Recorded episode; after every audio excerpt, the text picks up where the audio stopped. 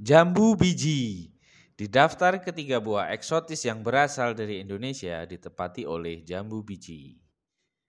Daging buahnya yang berwarna merah serta rasanya yang manis menjadikan jambu biji laris diborong ketika musimnya tiba. Jambu biji yang matang berwarna hijau muda dan di dalamnya daging buahnya berwarna merah.